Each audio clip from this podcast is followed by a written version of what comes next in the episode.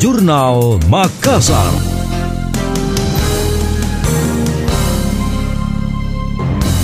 Saya Priscila Rini dalam Jurnal Makassar.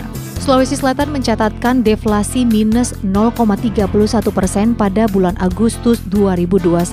Kepala BPS Sulawesi Selatan Suntono mengatakan deflasi dipicu adanya penurunan harga kelompok pengeluaran seperti makanan, minuman, dan tembakau sebesar 1,07 persen pada transportasi sebesar 0,33 persen.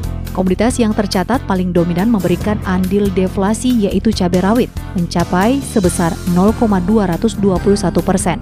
Disusul cabai merah, daging ayam ras, tarif angkutan udara, dan lainnya. Pergerakan inflasi gabungan lima kota di Sulawesi Selatan ini sangat volatile dan keadaan Agustus 2021 ini menunjukkan uh, angka deflasi yang terbesar secara mantuman. Pada Agustus yang bulan Agustus tahun lalu terjadi deflasi, tapi deflasi yang tidak terlalu dalam, yaitu 0,10. 10 komoditas yang mengalami penurunan harga. Di antaranya cabai rawit.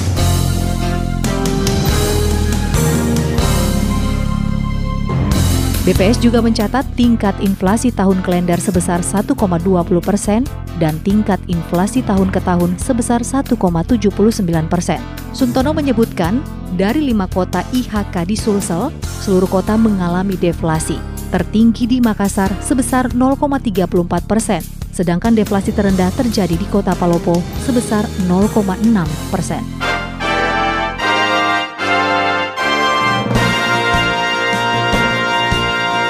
Demikian tadi, Jurnal Makassar.